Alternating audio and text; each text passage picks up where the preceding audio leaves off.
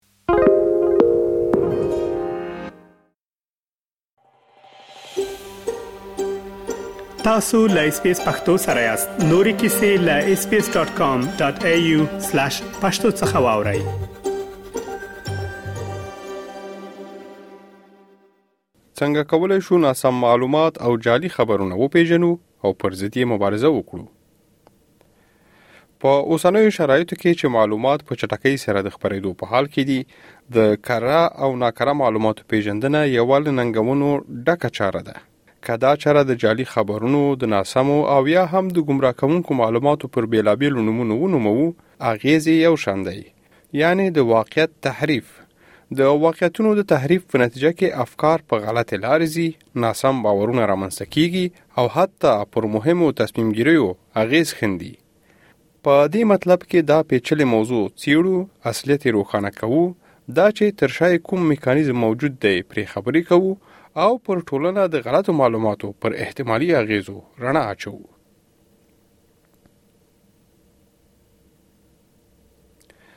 په نننۍ ډیجیټل نړۍ کې د ناسمو معلوماتو خپرېدل یو له اساسي ننګونو څخه ده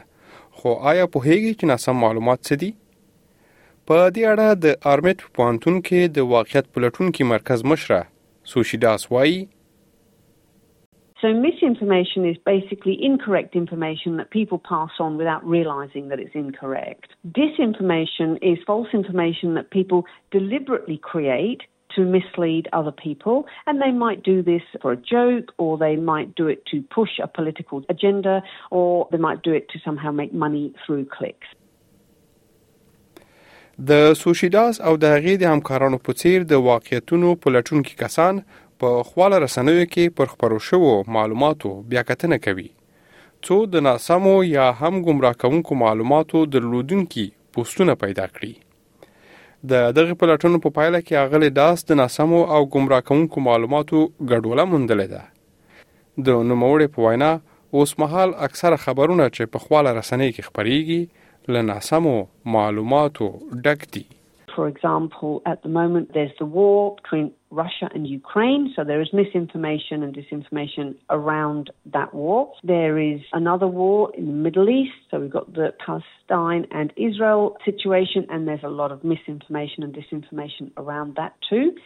We're also seeing regularly financial scams, health related misinformation.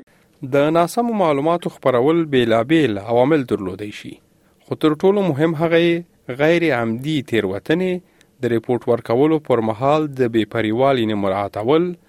د خلکو د احساساتو راپارولو په هدف له احساسي او عاطفي کلماتو او حرکاتو څخه استفاده او په قصدي توګه سیاسي، اقتصادي او ایډیالوژیکه لاسوهنه دي. د ناسمو معلوماتو په مقابل کې د توطیې تیوري هم وجود لري. خو د دواړو ترمنځ تفاوت دا دی چې د توطیې تیوري معمولا د پټو دسیسو په اړه د یوې ځانګړې ډلې افکار او روایات بیانوي. اما د ګمراه کوونکو معلوماتو په ګډون ناسم معلومات یو پراخه ساحه تر خپل پوښښ لاندې راولي چې کېدای شي د توطیې تیوري عناصر پکې شامل وي یا هم نه وي د بیلګې په توګه د آرمیډ د واقعیتونو پلټونکي مرکز څېړنیز ټیم د توطیې یوه تیوري وڅېړله چې په پایله کې څرګنده شوه چې پر کیو آر کوډ د جامو د نښو یا ټګونو د بدلون اساسي لامل د خلکو کنټرول دی په دې تیوري کې ادعا شوې وه چې په جامو کې د کیو آر کوډ ایجاد د چاپیریال ساتنې او د چاپیریال د لا خوندي کولو په موخه رامنځته شوی په داسې حال کې چې داسې نه وه او دا د نړۍ د اقتصادي فورم بانکونو او ځینو حکومتونو طرحه وه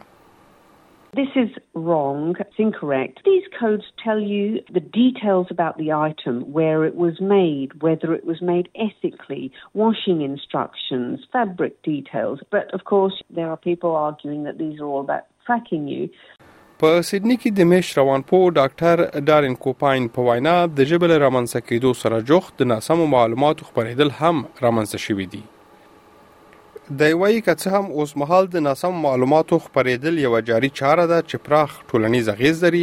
خو په تیرو وختونو کې خلکو خپل باورونه، واقعیتونه او حقیقتونه له ټولنې، کورنیو او کلتور څخه ترلاسه کول. اوس مهال د نړۍ له بیلابیلو برخو او پراخو سرچینو څخه معلومات ترلاسه کوو Apparently, according to a University of Canberra study, Australians are among the worst in the world for sharing dodgy articles. 80% will share an article that they even think is dubious. So that is obviously compounding the issue that we're facing with fake news and misinformation.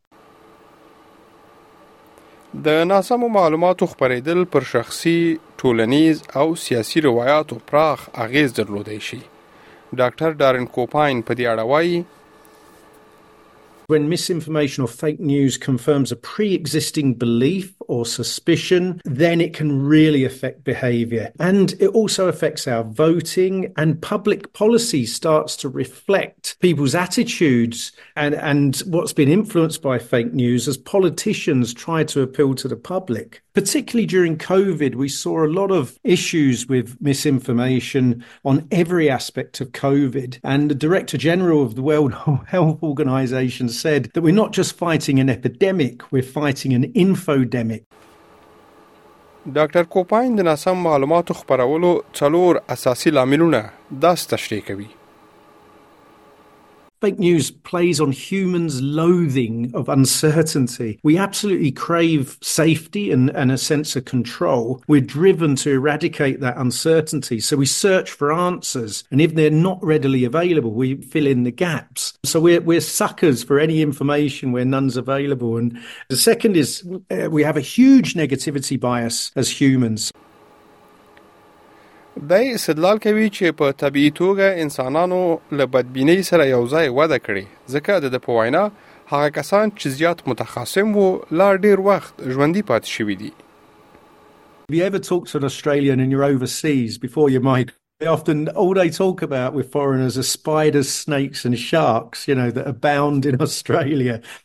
rather than the beauty and the opportunity that's here.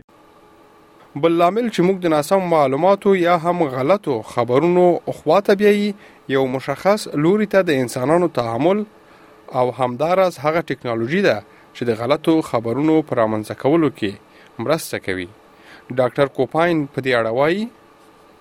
if we belong to, say, an anti vax group, then we're likely to search for anti vax information, or at least that's what sticks in our brain. And the things that stick with us are things prove and reinforce our pre existing beliefs. So we just get more and more extreme and polarized. The last one is fake news now can look professional when you're looking at it online, whereas when you're with somebody face to face,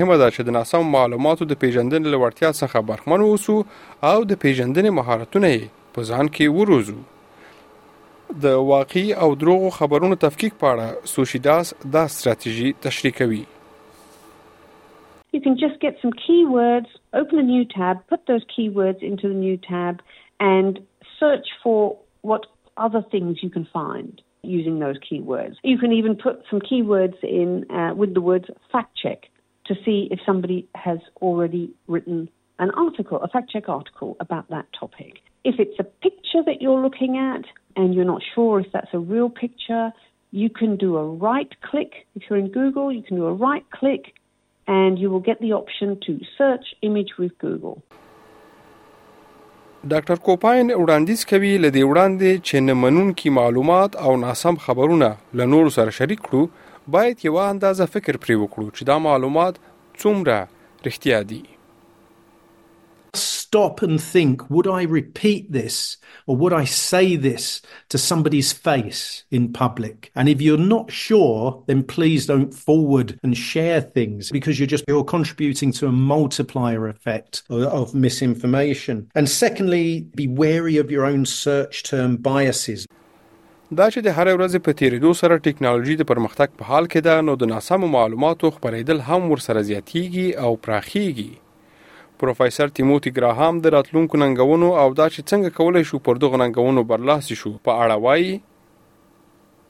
I think one of the biggest challenges that generative AI pose is that these AI can produce content that, at least at first glance, appears to be authored by a human and is quite convincing. And, and this is not only text, but obviously images as well. And so, a real challenge that's happened is that we just have a deluge of AI generated content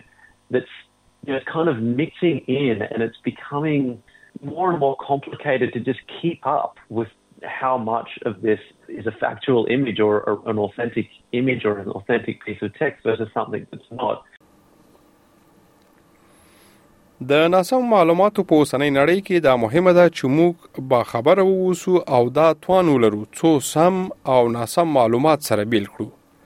د سوشیداس په وینا د ناسم معلوماتو د خبراوي پر وړاندې د مبارزې یو اغیزمنه لار ده ده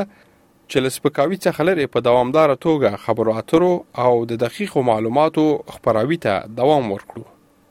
مهمه ده چې پوه اوسو چې بدلون یو تدریجي بهیر دی او دا بهیر زغم ته اړتیا لري